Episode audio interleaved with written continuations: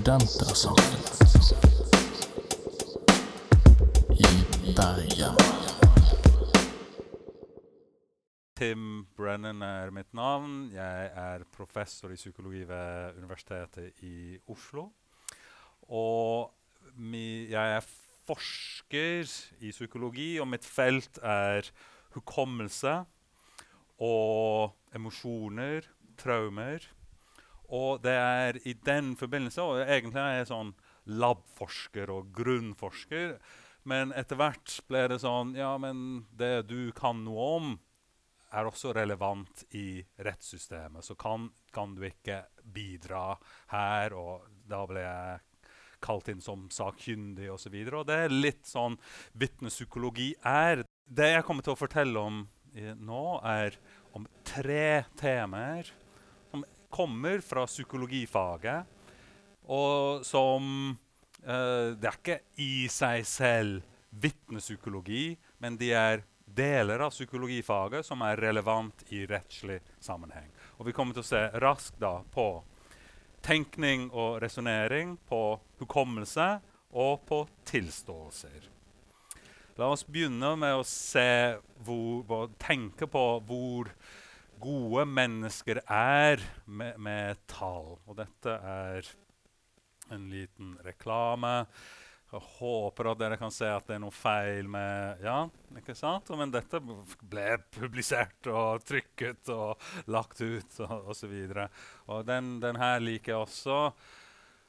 We wanted to increase deliciousness by 200%, so we put two bars in each pack. Liksom, det, det, er så mange feil der at man ikke vet helt hvor man skal begynne. Så vi, vi har problemer med, med, tall generelt. Så nå begynner oppgavene, så dere, dere må være litt, uh, litt våkne her. Er vi gode intuitive statistikere? Nå, først skal dere tenke på første spørsmål. Hvor mange mennesker må være i et rom for at det er helt sikkert at to av de har samme bursdag? Ok? Så hvem kan svare? Hvor mange, Vi ser bort fra året. Vi er bare interessert i hvilken dato du har bursdag. Så for å være helt sikker på at uh, det er minst to som deler bursdag, hvor mange må vi ha på, på et rom? Supert. 366. Og så nå kommer noen til å si ja, skuddår, og da kan vi si 367. Men nettopp. Skjønner dere hvorfor? For i verste fall har vi en på 1. januar, en annen som har bursdag 2. januar, og hele veien til 31. desember. Og på 366. er det da to som deler bursdag. Nå kommer vi til det vanskelige. Hvor mange mennesker må være i et rom for at sannsynligheten er 50 Samme tapper man.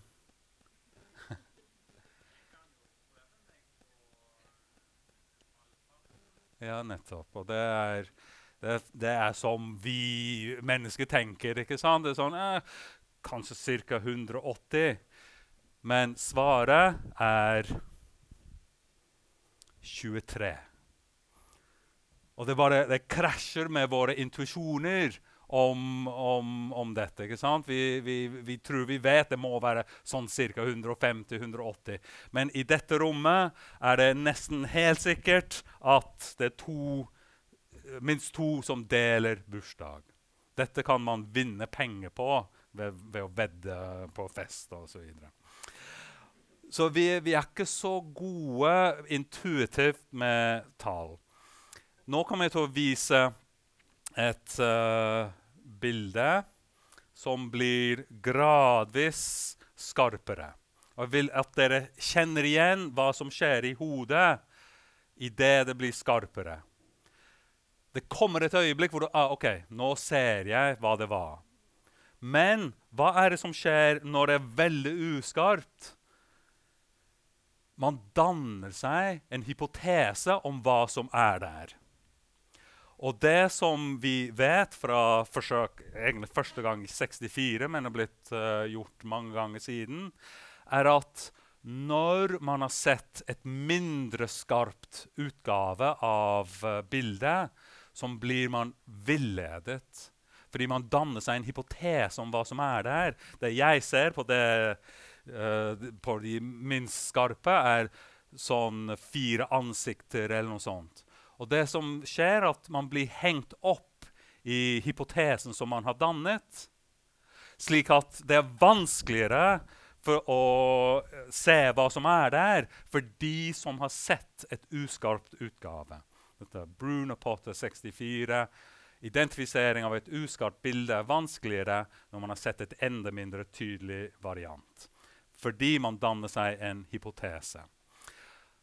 Nå skal vi ta en oh, Jesus, en annen, uh, en annen uh, oppgave for dere. We're gonna play a game. Okay? Jeg har en regel i mitt hode som dere skal forsøke å uh, oppdage og finne ut hva er. Og regelen går på det jeg kaller for talltripletter. Okay. Og jeg skal fortelle dere at to, fire, seks følger min regel. Nå er deres oppgave å finne ut hva som regelen er, ved å generere talltripletter. Og jeg skal si om de følger regelen eller ikke. Ok? Oppfattet? Så nå må dere komme med talltripletter, og jeg skal si om de følger regelen eller ikke. To, fire, seks følger regelen. 8, 10, 12 følger regelen. 1, 3, 5 følger regelen. Hva er regelen?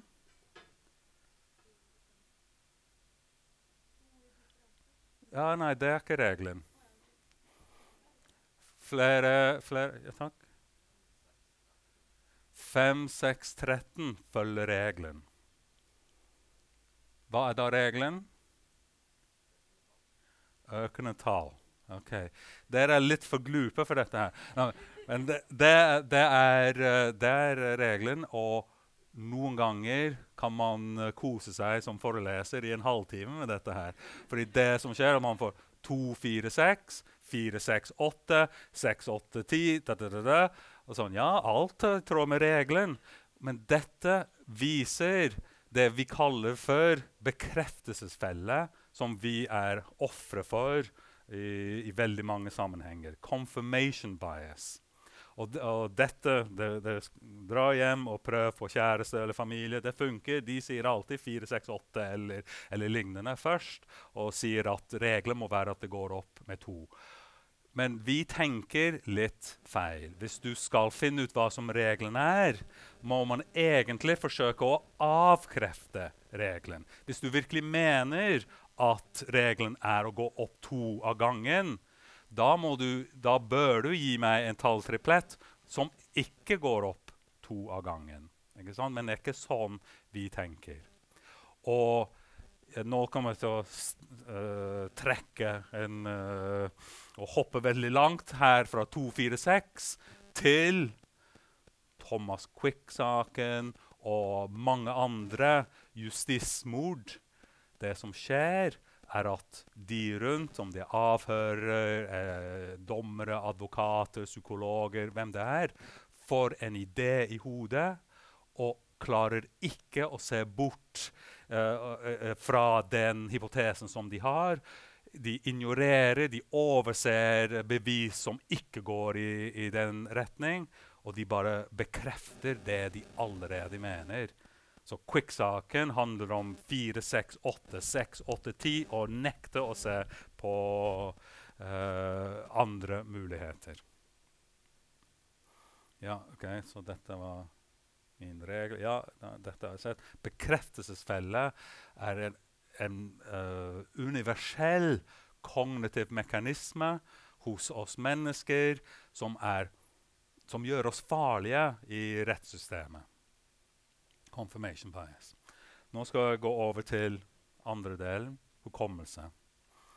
Hillary Clinton, remember her? I 2008, da hun eh, forsøkte å bli kandidaten uh, og tapte da mot uh, Obama, så eh, kom hun med følgende utsagn at hun besøkte Bosnia i 1996 under krigen. Og hun sier følgende, som dere kan lese. ikke sant? Det var kjempefarlig. We had to run to, with our heads down to get into the vehicles to get to our base. Her er bilder fra den, den dagen. Du kan se hennes datter der, osv. So what's going on? Well, um, det hun sa, var 'I misspoke'. Ikke sant? Ok. Og jeg er ikke her i kveld for å fortelle dere at uh, amerikanske politikere av og til lyver, men, uh, um, dette er gans også ganske typisk for hukommelse og hvordan det kan bli vridd i tråd med hvordan vi ønsker å, å fremstille oss selv. En annen eh, sett med studier som viser hvor sårbar og upålitelig hukommelse eh, er, går på studier som, hvor man spør deltakerne om uh, emosjonelle hendelser. Første studie som, gikk, uh, som brukte dette paradigmet, var om en, en flykrasj i Nederland. Dette er bilen hvor oh, hello, Uh, hvor prinsesse Diana døde. Og så spurte man deltakere i, i, England om dette. Hva husker dere om uh, det som skjedde? Om uh, omstendighetene rundt? Hvor lærte du om dette? Osv. Inkludert spørsmålet Har du sett videoen av krasjet? Og akkurat som med det nederlandske studiet med flykrasj, så får du omtrent 40% av deltakerne som sier, svarer bekreftende at de har sett videoen. Men videoen, videoen eksisterer ikke. Og de kan fortelle masse om hva de har sett, hva skjedde med bilen osv. So what's going on? Jeg, er ikke her for, for å dere at briter av og til lyver. Men det, det, det, er, det er en mer interessant konklusjon enn det. Det er at uh, det vi kaller for source monitoring, er noe som vi ikke er veldig gode på heller. Vi blander det som vi selv har forestilt oss, og det vi har sett. Vi blander kilder til vår kunnskap så kanskje har du sett en rekonstruksjon på Internett eller på nyhetene, eller så har du forestilt deg hendelsen. For deretter å blande disse ting sammen. Og dette forekommer uh, ofte. Så uh, hukommelse er uh, svak for sånne ting. For voldsomme hendelser, kanskje for banale hendelser er vi ikke så flinke, men for voldsomme hendelser Dette er bildet av uh, etter tsunamien i Asia, Sørøst-Asia, i Indonesia i 2004. Kanskje vi vel, har vi veldig pålitelig hukommelse etter sånne uh, hendelser. Det stemmer heller ikke. Det er mange studier som følger folk opp, f.eks. på 12.9.2001 var det veldig mange kognitive psykologer som var ute og rekruttere deltakere for å uh, spørre dem hvordan lærte du om angrepene som skjedde i går. Man får dem til å skrive ned alt som skjedde, hvordan de hørte om det, hva de gjorde osv. Rekrutterer de samme noen måneder etterpå og får dem til å gjengi alle svarene omtrent halvparten har minst ett stort avvik. Så hva er det som, som foregår? Selv hukommelse for emosjonelt engasjerende hendelser er sårbare til tid, til erstatning, til elaborering, til glemsel. Akkurat som banale uh, hendelser. Så begynte forskningen på 90-tallet å se på muligheten for å indusere falske minner hos folk. Sånn onde forskere som skal indusere falske minner. Og det foregikk på uh, følgende måte. Rekruttere studenter til uh, uh, studiet om hukommelse ditt for livet ditt. Liksom, you know, wow, a study about me, that sounds great, that's interesting. Så man kommer til studiet, og så blir man bedt om lov å ta kontakt med foreldre dine. Okay? Kan vi ta kontakt for å finne noen hendelser som har skjedd i ditt liv i barndommen, og vi kommer til å teste deg uh, om de. Ja, ok. Så kommer du til studien, og de slemme psykologene har gledd inn en liten uh, falsk hendelse, men som du tror er ekte fordi de har tatt kontakt med dine foreldre. Så du, du får en uh, beskrivelse av Uh, av at du på et bryllup veltet punchbolle. Hva skjer? Første intervju. Alle, så å si alle, sier Wow, det var rart. Det har jeg aldri hørt. Nei. OK, det var rart, fordi jeg trodde du var intelligent. Er du ikke student på universitet? Wow, ja, okay. Men da skal du gå hjem og hver kveld forsøke å se om du ikke kan assosiere og, og huske osv. Tredje intervju har du halvparten som husker og kan gi detaljer osv. I 2004 var cut and paste fortsatt ganske nytt. og Da kunne man lure studenter med sånne opplegg og få bilder hjemmefra cut-paste inn i varm luftballong. Å, det var rart. Tredje intervju husker masse om at de var oppe i, i varm luftballong. Vi er lettlurte. Over til tredje uh, tema. Tilståelser kan være falske. Det er Folk som jobber i politiet og sånn, vet dette veldig godt. Som uh, Gudjonsson og Pearce sier Most people think, find it unthinkable that anybody would confess or plead guilty to a serious crime of which they were innocent, but people do. Og vårt system må forholde seg til det. Og for til og med uh, for alvorlige forbrytelser i USA har de noe som heter The Innocence Project, som uh, utnytter nyere DNA-teknologi. Fordi da kan man uh, gå tilbake.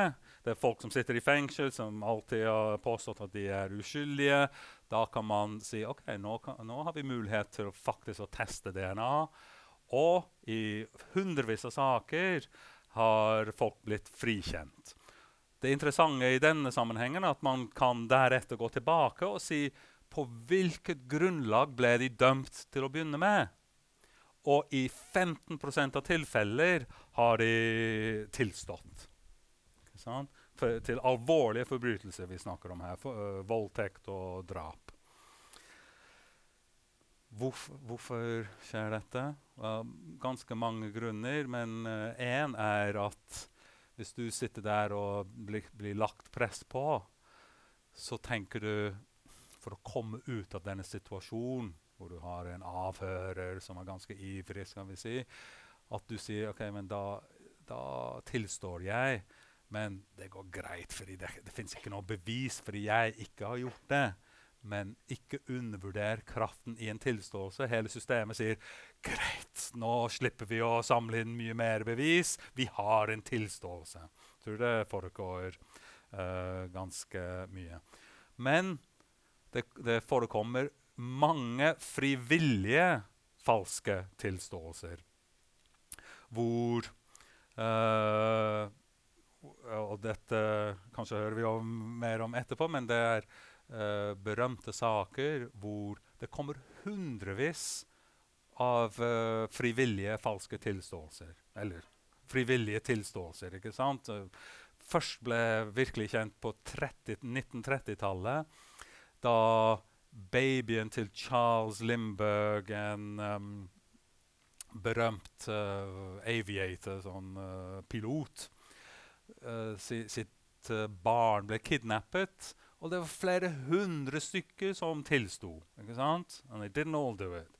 Så, og, som Gudjonsson sier, the possible motives for voluntary false confessions are limited only by the imagination. Og uh, et eksempel som de har fra USA, er noen som tilstår et drap. Som politiet, hva, hva, skal de gjøre? De må undersøke. Du har noen som kommer inn, sier de har gjort det. ok, nå må jeg bruke tid på dette. Det viser seg i dette tilfellet at han hadde tilstått drapet fordi det ga ham alibi. Fordi han var faktisk med elskerinnen da drap uh, skjedde. Så dette ga ham alibi, slik at kona ikke ville oppdage at han hadde vært utro. So you're like, wow. So you can say, right, det er psykiatri. Ja, greit, det er psykiatri, men likevel er det en, uh, en, en tilståelse. Så har vi medgjørlige falske tilståelser. Compliant. Og det, de, disse fremkommer når det er, eh, det er indusert under avhør. Oftest da av politiet, uh, men det kan være andre yrkesgrupper som, som, er involvert. Men oftest vil det være uh, politiet som skviser ut en, en, tilståelse. Og som de sier, the pages of legal history are filled with stories of this type of confession. Okay? Og dette er etter min mening den den klassiske fremgangsmåten. Hvis ikke man har et regelverk og et system og et opplegg for å unngå dette, er det dette man ender opp med. Medgjørlige, falske tilståelser. I'm the sheriff in this town, and I'm gonna get, I know who did it. Og jeg kommer til å legge press på deg inntil du tilstår. Da, ok, da, Til slutt uh, får man sine tilståelser, men selvfølgelig er de ofte uh, falske tilståelser. Slike eh, pleier å være kortvarige. Med en gang man kommer ut fra avhørsrommet, så sier man 'Jeg måtte fordi han, han truet meg'. Så de, de, blir trukket tilbake. Birgitte Tengs-saken er eh, det er fortsatt en, en, tragedie. Uoppklart drap fra uh, 1995. Uh, og som uh, hadde store effekter i norsk politi for avhørsmetoder. Det som eh, Det var mindre system på politiavhør i Norge da eh, hennes drap eh, ble forsøkt eh, oppklart. Og fetteren ble dratt inn i saken og lagt ordentlig press på. Det vil si Uh, brev- og besøksforbud, uh, avhør i mange timer på strek, uh, flere dager på rad osv. Og, og til slutt endte han opp med å tilstå, og til og med ikke helt vite om han hadde gjort det eller ikke. Det var ikke bare medgjørlig. sånn, OK, jeg sier at jeg gjorde det for å slippe den uh, forferdelige situasjonen, det presset og trusler som du uh, gir til meg, men internalisert. At du har lagt så mye press på en person at de til slutt går med på Ja, men det virker som jeg da har gjort det. Dette er dette ligner på de studiene som jeg presenterte tidligere, ikke sant? om varm luftballong og punchbolle. Du som deltaker i, i, de forsøkene ender opp med å ha internalisert. Du tror selv. Du, du sier ikke bare 'ja, ok, du virker å mene dette, så jeg går med på det'. Du tror selv. Du, dere kan slå opp um, varm, luftballongstudie. Der er De har uh, utsagn fra deltakerne. ikke sant? Og de, de forteller masse om, om varm. Og dette er da uh, uh, internalisert på, på, samme måte. Og dette er ordentlig krise for et rettssystem hvis man produserer internaliserte falske tilståelser. Da har man virkelig lagt press på, på, noen. Men dette er et menneskelig trekk. Vi er sårbare for sånt. Og det interessante med de studiene som jeg viser til, punchboll og varm luftballong, er at der Er det oppegående uh, studenter som er deltakerne? Maktforholdet mellom forsøksleder og deltaker den er ikke, ikke så stort det. ikke sant? Forsøksleder har ikke så mye makt. Hvis du ikke husker noe fra din barndom, det, har det ikke noen konsekvenser for, for, deg annet enn kanskje litt sosialt ubehag overfor en forsøksleder. Mens tenk hva vi har i politiavhør. Da er det noen som har makt over deg, som kan bestemme om du går fri eller ikke. Og du, mange mennesker som ender opp i avhør, de er heller ikke ressurssterke de, er, de kan være uh, you know, svake av ulike grunner, om de har um, uh, you know, De kan ha psykiatriske diagnoser, de kan uh, ha narkotikaproblemer, eller hva det måtte være. Så logikken er å si at hvis man kan internalisere minner osv. Og, og legge press på oppegående folk hvor maktdistanse uh, er liten. Tenk hva man kan gjøre når det er ressurssvake folk. Så for å oppsummere det begredelige budskapet som jeg har, er, det er at rettssystemet må ta høyde for flere trekk uh, hos mennesker. At vi er sosialt påvirkbare. Vi er mottakelige for falske minner. Hukommelse for detaljer er sårbar. Selvforsterke hendelser. Vi tenker ikke logisk. Husk uh, bekreftelsesfelle. Og falske tilståelser fremkommer. Og alle disse er uønskede trekk i prosessen for å få en sann redegjørelse fra vitne eller um, offer. Og uh, siste slide er uh, kanskje en link over til det du kommer til å prate om, Line. Politiet i uh, deler av Vest-Europa for det meste har forandret sin uh, tilnærming. Uh, fra, men, kjenn på uh, konnotasjonene til de første to der. Interrogation. Der er jeg mektig, og du er svak, og nå skal jeg jammen få svar ut av deg. I interrogate you. Investigative interviewing gir et helt annet, uh, en helt annen følelse, en helt annet bilde av hva som foregår. Og det er den forandring som har skjedd i diverse uh, politietater i Europa. Man dropper interrogation. Vi skal intervjue, vi skal avhøre på en investigativ måte. Og dette baseres på uskyldspresumpsjonen. Vi, vi, tror vi har ganske godt bevis mot deg, men likevel har du kanskje en forklaring på dette. Hvorfor kniven hadde hennes blod på det, og du var på video med kniven. Kanskje har du en god forklaring.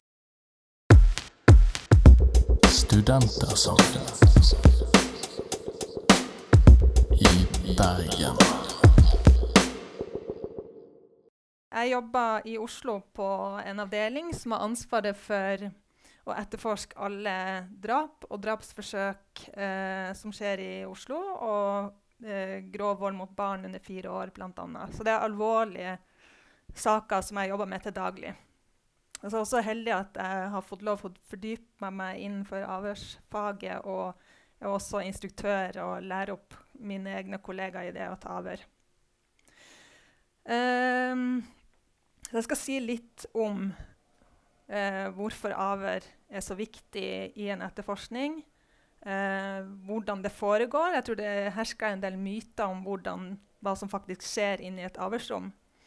Eh, og beklager, det er ikke sånn som man ser på amerikanske krimserier. Det er ikke like spennende eh, som det. Men det er det mange som tror. Eh, før jeg kom hit, så snakka jeg litt med Min mor hun er pensjonist nå, for jeg er vant til å, å, snakke med politifolk om avhør og lære de opp i å bli bedre avhørere. Men det er ikke så ofte jeg snakker med noen som ikke kan, eller ikke har så mye erfaring i å ta avhør sjøl. Så spurte hun hva er det du lurer på egentlig. Hva, hva, syns, ja, hva, hva slags spørsmål har du i forhold til, til avhør? Og da spurte man om kan du se om noen lyver. Eh, og det kan jeg heller ikke. Det er ikke noe bedre til å se om noen lyver ut ifra kroppsspråket de har, enn det dere er. Um, så det er flere spørsmål som, som, dere sikkert har, som vi kan ta etter hvert. Um, min jobb eh, som etterforsker er jo å samle inn informasjon Eh, tidligere, før 2000, før Birgitte Tengs, så hadde vi veldig fokus på det med tilståelse. Det var det som var på en måte målet når vi gikk inn i avhørsrommet og skulle uh, uh, ta et avhør av en som var mistenkt i en sak. Nå er fokuset å samle mest mulig informasjon som kan belyse saken. Vil si om det har skjedd noe straffbart, hva det som har skjedd, hvor, eh, når og hvordan og ikke minst hvorfor. Så det er de spørsmålene jeg har eh, på blokka mi eh, når jeg går inn og skal ta et avhør. Og det gjelder om det er et vitne som har sett noen ting, eller om det er en fornærma som har blitt utsatt for noe, eller om det gjelder en mistenkt. Eh, det er informasjon som er det vi lever av, og det vi er på jakt etter. Jeg sitter ikke og vurderer underveis om personen foran meg lyver eller ikke. For den informasjonen eh, som jeg får, den må kontrolleres eh, i ettertid. Den må kontrolleres opp mot andre eh, kilder til informasjonen vi har i saken. Så blir det juristen og retten som til slutt skal vurdere eh, om en person er skyldig og skal dømmes. Um, det er ikke hvilken som helst slags informasjon eh, vi er på jakt etter selvfølgelig, eh, når vi går inn i et avhør. Det er jo det som omhandler det straffbare forholdet vi mistenker har skjedd. Uh, og vi søker alltid etter mest mulig pålitelig informasjon. Og det vi også har lært, uh, det er at vi uh, Altså det, det, er mye forskning innenfor det feltet som Tim Brennan jobber i, som ligger til grunn for den metodikken vi har. Vi, vi er bevisst på, og vi vet at minnene de eh, forandrer seg over tid. Vi er veldig fokusert på at vi skal ta over så tidlig som mulig. Gjerne ofte av patruljen som kommer ut til stedet der det straffbare har skjedd. Eh, vi er også veldig bevisst på at eh, minnene også er påvirkelige. Eh, at det at vitner snakker med hverandre om det de har sett, før de kommer til oss og forteller om det, det er også veldig eh, Da er det stor sjanse for at de har minner som de egentlig ikke Altså de, de, forteller om noe de egentlig ikke har belegg for å si som de faktisk ikke har sett sjøl. De blander sammen hva de har sett sjøl, og hva de har hørt andre si. Så når vi kommer ut, så er det veldig viktig at vi skiller de som er på stedet, at ikke de får snakka sammen. Men så har vi jo media. Hvis det tar en stund før, før et vitne kommer til avhør, så står det jo, i hvert fall i de sakene jeg jobber i, så er det jo veldig mye mediedekning Uh, og de, de, som har vært på et sted og har sett noen ting som de skjønner er viktig, de er jo nysgjerrige på hva som står i media. Så det må jeg alltid spørre dem om når de kommer, kommer til oss. Hvem er det du har snakka med om det her? Uh, hva har du lest om i media? Og det er viktig at du skiller på det du har sett sjøl, og det du har hørt andre si. Og så vet vi også at måten jeg som avhører stiller mine spørsmål på, kan påvirke hukommelsen til et vitne. Så når vi setter oss ned i et avhørsrom, så bruker vi litt tid innledningsvis på å fortelle om hva som skal skje, og rammene rundt eh, planen for dagen. Eh, det er noen regler som gjelder for avhør, som vi snakka om. Jeg forteller hva min rolle er. Jeg forteller at min jobb er å få mest mulig informasjon. Jeg trenger mest mulig detaljer om det som du er her for, for å forklare deg om. Og så skal de sjøl fortelle mest mulig uten at jeg stiller spørsmål. Og da skal jeg lytte og ikke avbryte, sånn at de får god tid på seg. Eh, og så eh, er det jo selvfølgelig alltid en del spørsmål som jeg lurer på når de har fått forklart seg ferdig. Eh, og da er det på en måte å bruke de åpne spørsmålene. Eh, fortell, forklar, beskriv. Hvis du spør et vitne, f.eks. Hva hadde gjerningsmannen på hodet? Og så har kanskje ikke vitnet sett noe hodeplagg. Men da vil han, tenke, eller han eller hun tenke at å, siden politiet spør hva gjerningsmannen hadde på hodet, så kanskje han hadde noe på hodet. da. Og da kan det være at de sier at ja, han hadde en caps, f.eks. Uh, ja, hvis du spør et vitne som har, har um, observert en kollisjon mellom to biler, f.eks. Hvis du stiller deg spørsmålet hvilken hastighet hadde bilene når de traff hverandre, så kan du få et svar. Men hvis du spør hvilken hastighet hadde bilene når de krasja inn i hverandre, så vil du mest sannsynlig få eh, et svar på at de høyere hastighet. Så alle de tingene her det må vi som etterforskere og avhørere være veldig bevisst på. Og så er det jo alle omstendighetene rundt en observasjon som er gjort. Eh, vi må kontrollere eh, hvilke forhold som ligger hos vitnet sjøl. Noen kan være berusa når de observerer noen ting. Eh, de kan ha dårlig syn. Eh, de kan eh, ha ulik erfaring med seg som gjør at de legger merke til forskjellige ting. Og hvilken avstand har de sett det på? Hvor lang varighet hadde det de så? Alle de kontrollspørsmålene rundt som gjør at jeg kan vurdere den informasjonen de kommer med. Um, og det vi, tror jeg vi har blitt eh, ganske gode på, men vi må alltid minne oss på det. Og vi trenger trening på det i politiet også. Eh, så det Ja. Det er også viktig.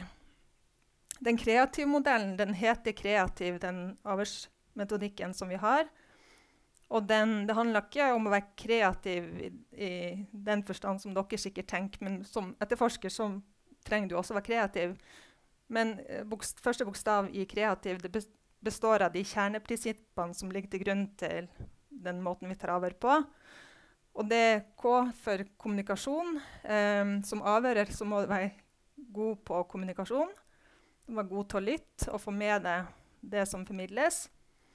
Eh, det handler om eh, R står for rettssikkerhet. Eh, vi som politifolk har regler vi må forholde oss til når vi skal ta avhør.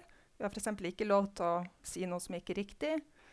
Og vitnet har heller ikke lov til å gi bevisst eh, falsk forklaring eller bevisst lyg eller bevisst holdt tilbake informasjon.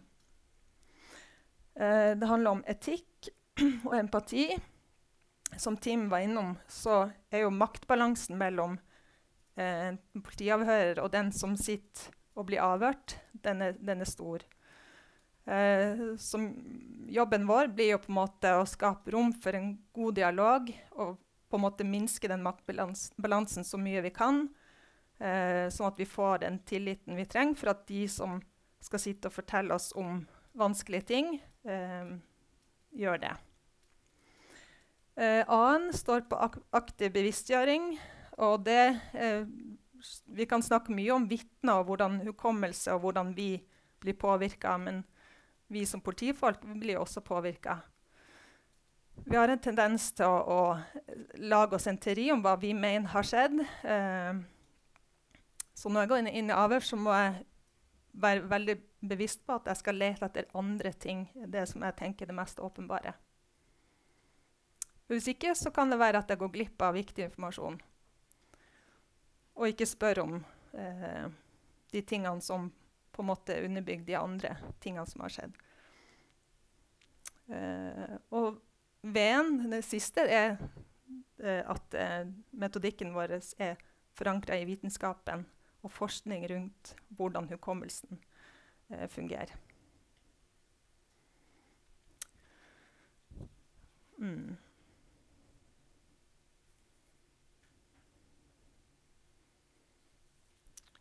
Skal vi se Så gangen i et avhør, det er først eh, at vi må planlegge det veldig godt. Eh, hvis jeg skal ta avhør i en alvorlig sak, så kan det være at jeg bruker en hel dag på å lage en plan på hva jeg skal spørre om. Eh, og så er det den første delen som vi kaller for kontaktetablering. At man lager et dialogmønster. Man fortelle om rammene og gjøre den personen som sitter i avhørsstolen, trygg på at her eh, har jeg tillit til politiet, og de har et åpent sinn, og jeg kan fortelle det jeg har på hjertet. Um, og så forklarer eh, vitnet seg helt fritt eh, om hele hendelsen, og så stiller vi utdypende spørsmål før vi har en, en OK avslutning. Eh, alle avhør som politiet tar nå, de blir tatt opp på lyd. De blir dokumentert, i hvert fall på lyd, ofte på video også. Eh, og det er fordi at eh, når saken kommer i retten, hvis det blir spørsmål eller, til hvordan eh, avhøret ble gjennomført, eller hvilke spørsmål som ble stilt, så kan de spille av den lyden eller den filmen i retten. Sånn at det ikke skal være noe tvil om på hvilken måte informasjonen kom, og hvilken måte vi har stilt spørsmålene på. For å oppsummere da, så eh, er tida det går frem til vitnet blir avhørt, veldig viktig. Det er viktig å skille vitnene fra hverandre så fort som mulig. Eh, det er viktig at vi eh, som avhørere er bevisst på at vi påvirker hukommelsen til vitnet eh, ved måten vi stiller spørsmålene på. Og så eh, er det viktig å stille kontrollspørsmålene i forhold til den observasjonen som er gjort, så at vi kan vurdere er det mulig at det vitnet har sett det de sier de har sett. Eh, jeg kom på nå en ting som jeg kan også si noe om. Det er at vi har noen teknikker som vi bruker for å få eh, et vitne til å eh, huske som, så mye som mulig. Eh, det er utrolig hvor mye som Når utgangspunktet er at Nei, eh, jeg husker egentlig ikke så mye fra hendelsen. Jeg husker bare i grove trekk at jeg står der, og, og, så så jeg bort dit, og så sto de der. Uh, men så lenge den informasjonen fra den hendelsen er lagra i at de faktisk har oppfatta det og, og, sett det og hørt det, så ved å bruke eh, teknikker som eh, at de ser for seg situasjonen, at de ser for seg der de står, ser for seg hvordan omgivelsene var, hvilke bygninger som var rundt, eh, hvilke lyder de hørte. Altså man spiller på sansene, og de skal gjenskape det i hodet sitt. Så kommer det ofte veldig mye mer informasjon.